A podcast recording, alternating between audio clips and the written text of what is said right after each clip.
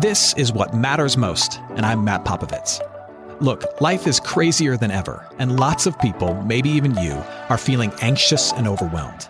Today's message is designed to help you figure out what's most important and to experience the peace and joy that God intends for you. Because life is a gift, and it shouldn't be wasted on worry. I'd like to give you a resource, something to help you navigate the road ahead. Just go to mattpopovits.com, click on the icon, and we'll send it to you. That's Matt, P-O-P-O-V-I-T-S dot com. And hey, if you happen to live in the Houston area, I'd love to see you on a Sunday morning at St. Mark in Spring Branch. Head to stmarkhouston.org to plan your visit. Here's today's message. Thanks for listening. We're continuing this, this Advent conversation called Make Room. And the idea of, of Advent, this season before Christmas, the Christmas season, according to the Christian calendar, uh, technically doesn't start until December 25th. Uh, the Christian calendar says that we're in the season of Advent, of preparing, of making room, not just in our homes for the celebration of Christmas on December 25th, but really making room in our hearts and our minds for the celebration of Christmas so that we can appreciate the birth of Jesus for all that it promises to us, all that it brings to us. And for the last couple weeks, we've talked about some of the things that the birth of Jesus, the entrance of the Savior of the world into the world, brings to us.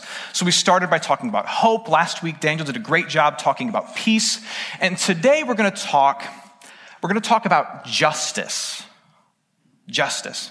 Now, justice may not be something that you instantly associate with the baby Jesus. But it is certainly something that the world we live in right now is wrestling with. Uh, that, that we as a country, that we as a city are, are talking about. Just yesterday, thousands of people in our city flooded the streets, all wrestling with big questions about justice. We are rightly asking these kinds of questions. We're saying, are things fair here? Are, are people treated equally here? Is there justice here? We're asking those questions. And now, no matter where you fall in that conversation, you may say, you know what, there's no justice for certain people. And you may say, you know what, it is pretty fair. You just got to follow the rules. No matter where you are on that spectrum, we all have to admit that the fact that we're asking that question means that the world is hurting, right? The fact that we have to ask that question, are things fair, means something at some level is wrong. And so, Advent, this preparing for the birth of Jesus, is good news for a hurting world. Because what it means is that at the birth of Christ at Christmas, God has arrived into this hurting world and he brings with it promises that a world that's wrestling with questions about justice, this kind of world, is, is in desperate need of.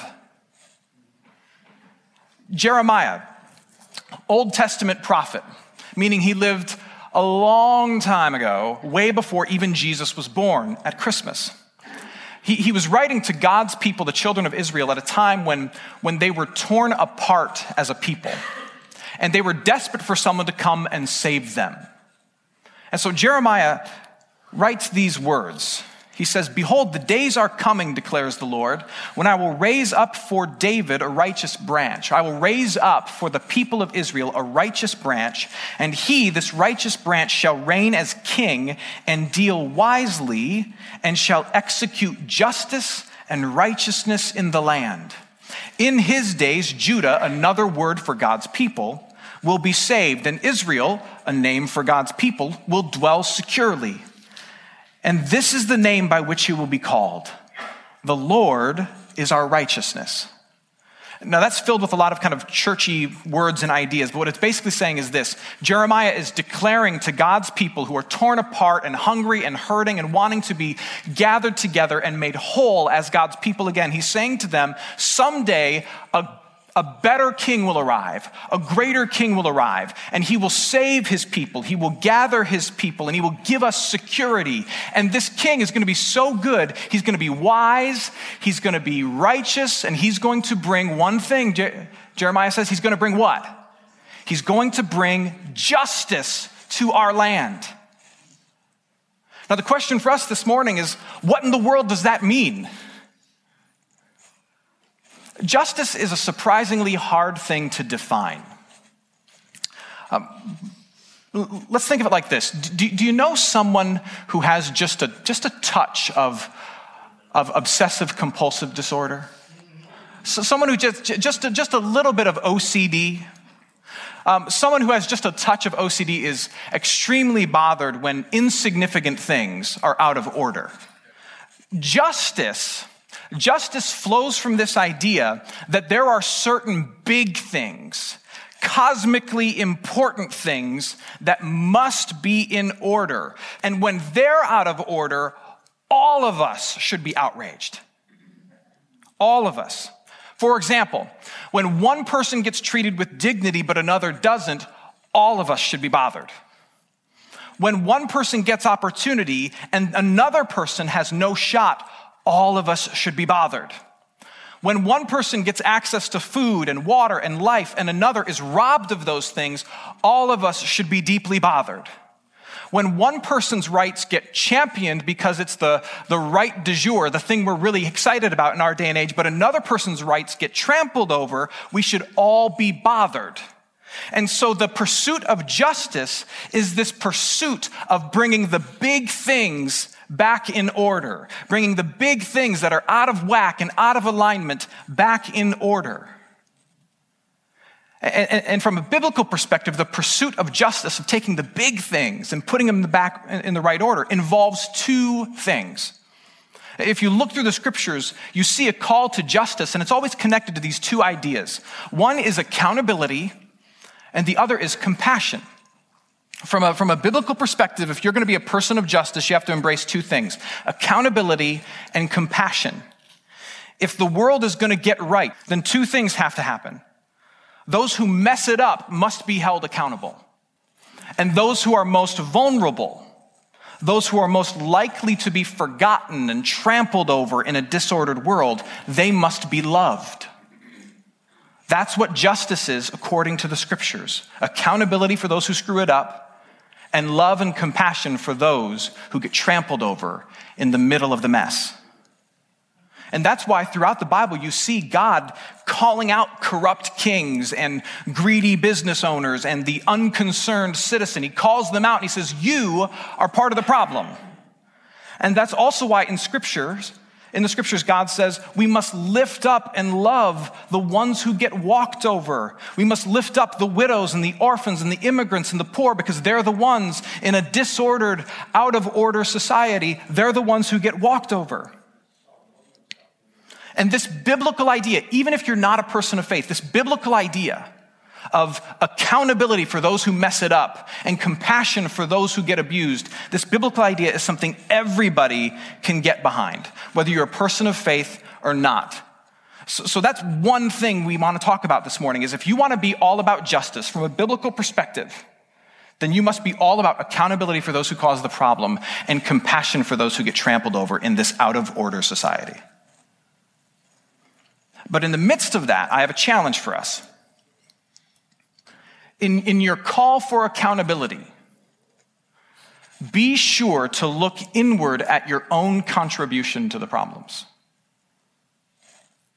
And in your push for compassion, be sure to push that compassion out to the true edges of society where the truly vulnerable, vulnerable people are, and not only to your tribe and to your group.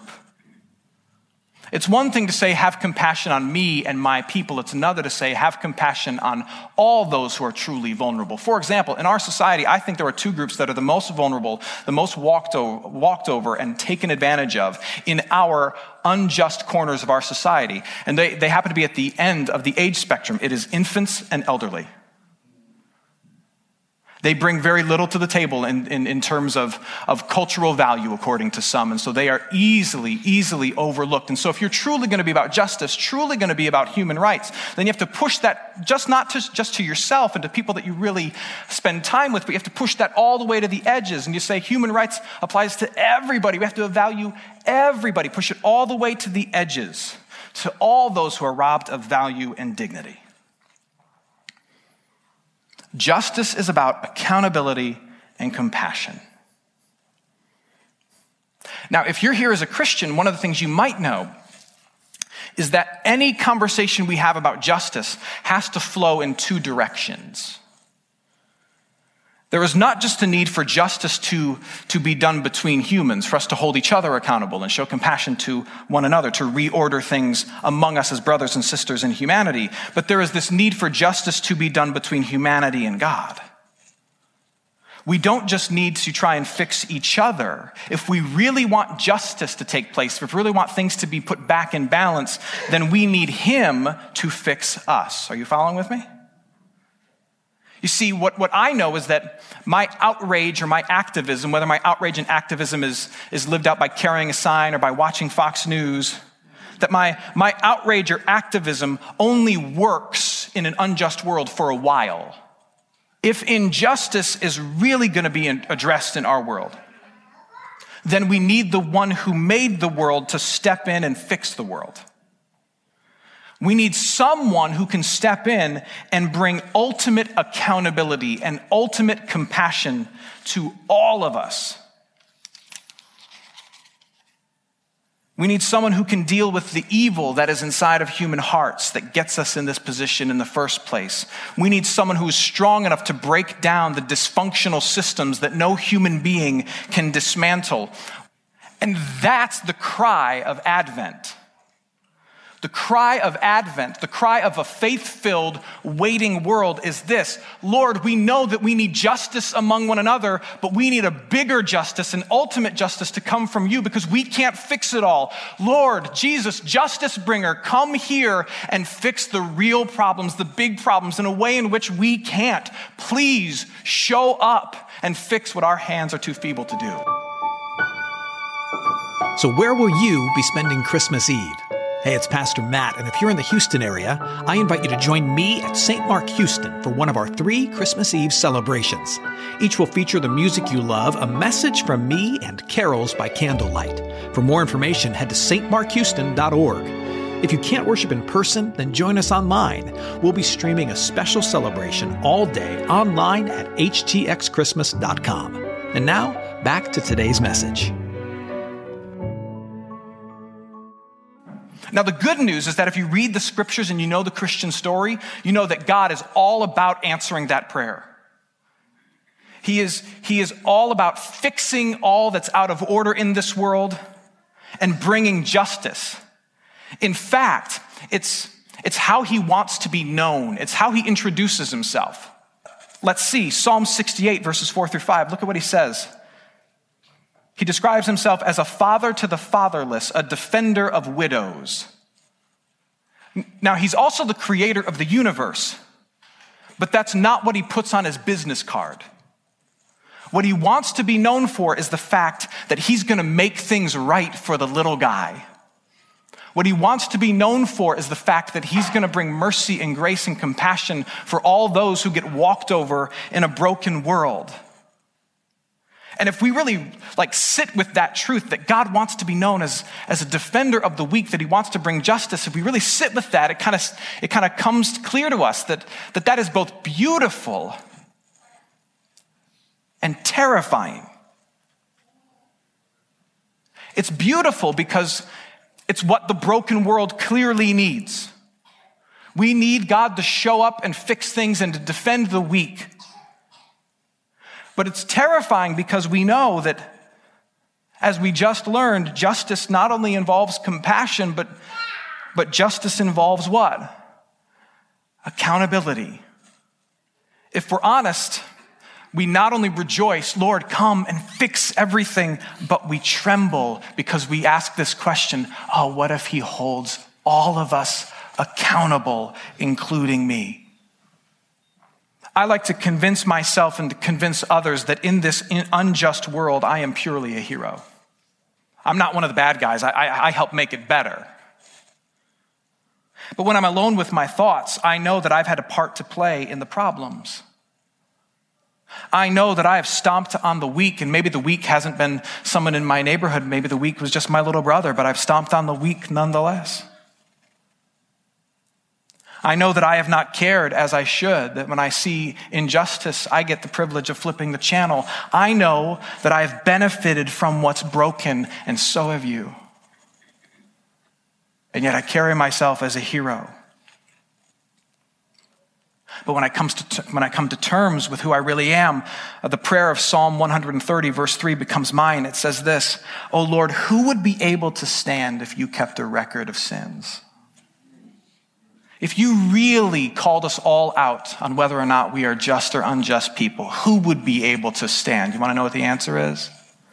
Nobody. And so, this call for justice from God is both beautiful because we need it and terrifying because we know we all have blood on our hands. And that's what makes Christmas so incredible. Because at Christmas, what you have is this, this truth that God is showing up. God has come to earth. And, and, and, and 2,000 years ago, those who were waiting for God to show up, they knew what we know that, that justice is high on his priority list. It matters to him. Like he's going to come and he's going to defend the poor and the weak. And so the world that was waiting for the king to arrive, waiting for the Savior to arrive, was kind of waiting like this like, the Savior's going to come. Don't hit me. The Savior's going to come, right? Because it was ready for accountability. Because that's what justice brings. And yet, what do we get when God arrives in this world? We get God in flesh wrapped in weakness. We get a crying infant born to a shunned and unwed teenager. We get Jesus who would grow up to be a homeless and rejected rabbi. We get a savior who himself would be wrongfully accused by corrupt cops and die of asphyxiation by being hung on a cross. That's what we get. And, and, through the eyes of faith, when we look at that, what do we see? What do we see God is doing? What we see God doing through that entrance of the weak and humble Jesus, what we see is that rather than crush us with the accountability of justice, which we deserve, what he's doing is he's choosing to offer us instead just the compassion of justice, which we don't. He chooses to see you and me as poor, vulnerable creatures in need of rescue rather than the culpable perpetrators of our own problems that we are. And so he comes into this world and he sees you and me as vulnerable ones, and he joins us in our vulnerability so that he might love us and lift us out of it. Now, there's still accountability. That's what Jesus' death is all about. Jesus, in his death, he becomes the object of punishment so that we can be seen only as objects of mercy. Jesus is counted as a criminal, though he's innocent, so that we can be counted as innocent, though we are culpable. And so now we can say with, with peace filled hearts, Jesus, bring justice.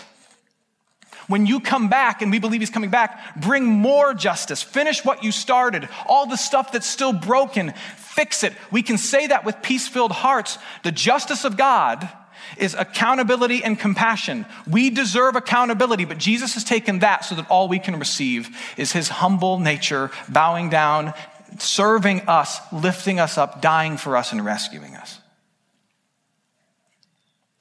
So now, if, if all of that's true, then, then if we as Christians want to make room for that kind of justice in our lives, we should do two things. We should repent and we should realign. We should repent and we should realign. Here's what I mean. If it's true that all of us have some kind of guilt in what's going wrong in this world, what's out of order in this world, but there is compassionate justice offered to us through Jesus, then we should run to him. Jesus is willing to show you just the compassion of God, and you should run to him. You should run to him saying what you know to be true. Look, I'm unfair. I'm uncaring. I'm cold hearted. I'm unjust. You run to him knowing that only his mercy will satisfy your deep need. Only his mercy will satisfy, and it will satisfy more than any anger, any apathy, or any activism ever will. Jesus himself in John chapter 6, he was asked by somebody, he was asked, What should we do in order to consider ourselves right people? And Jesus' response was this What must we do to be doing the works of God? Jesus' response is this This is the work of God, that you believe in him whom he has sent. Here's what you need most you need me. You need me to take your accountability for injustice in this world, and you need me to show you compassion. Your greatest need is for justice to happen to you first through the compassion of Jesus Christ. It is hypocritical for any of us to assume that we can change the world while we ourselves remain unchanged. It is hypocritical for us to think that we could change the world while we ourselves remain the same. So we repent and we run to the compassionate justice of Jesus.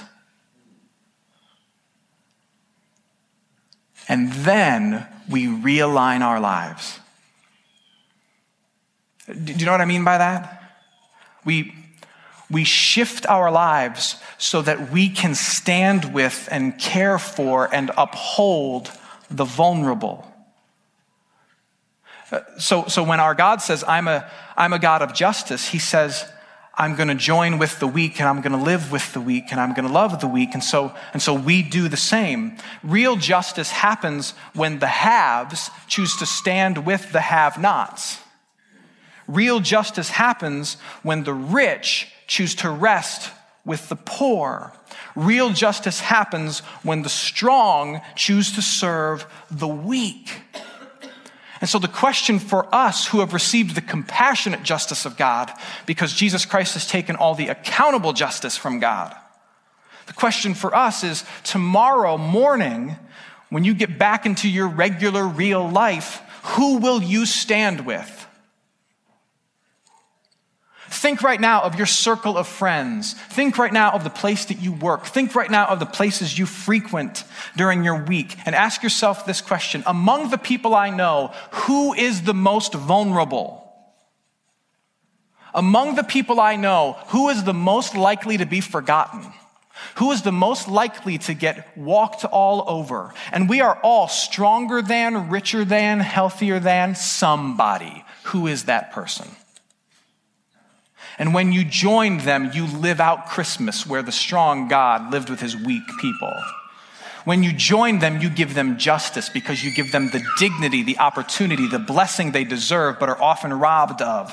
When you join them, you give them a glimpse of what Jesus, our justice giving King, will bring about in fullness in the end when he returns and topples over what's left of this broken world.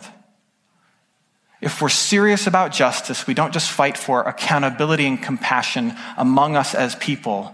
We fight for it from God. We receive the compassionate justice of God, knowing that Jesus has taken the accountability for us, and we offer compassion to others. We join with them. The world needs to be changed, yes, but it starts by you finding the most vulnerable person next to you and giving them the presence and the love that God in Christ has given to you. That's how it starts. I've got one more picture for you. And here's the question Does this bother you? Just take a look. If not, it should, because there's one fig Newton that's out of order. Here's my prayer for us. My prayer is that we would be bothered by much bigger things than that and that the discontent we feel would stir in us something greater than shaking our head at the news, ignoring it by changing the channel, and something even greater than the, the things we post on Facebook or the rants we have around the water cooler at work. Instead, that it would, the discontent with what's out of order in this world would stir us to say, Come again, Lord Jesus, and bring ultimate justice and that we might say it with a heart of peace and the hands of action, a heart of peace knowing that Jesus Christ has taken my accountability and he has freed me up to offer them compassion, and that that is justice. Amen. Hey, it's Matt. I hope you enjoyed what matters most. Here's what I need you to know life is a gift, and it shouldn't be wasted on worry. I want to help you figure out what's most important and to experience the peace and joy that God intends for you. So, for more content, you can head to mattpopovits.com. That's Matt, P O P O V I T S.com. There, you can also support this ministry as well as access your free resource, a little something to help you navigate the road ahead. I'd also love to see you on a Sunday morning. If you're in the Houston area, head to stmarkhouston.org to plan your visit. In the meantime, hit me up on Instagram at mpopovits or at facebook.com slash Matt Popovits Ministries. Thanks for listening. Now go and hold tight to what matters most.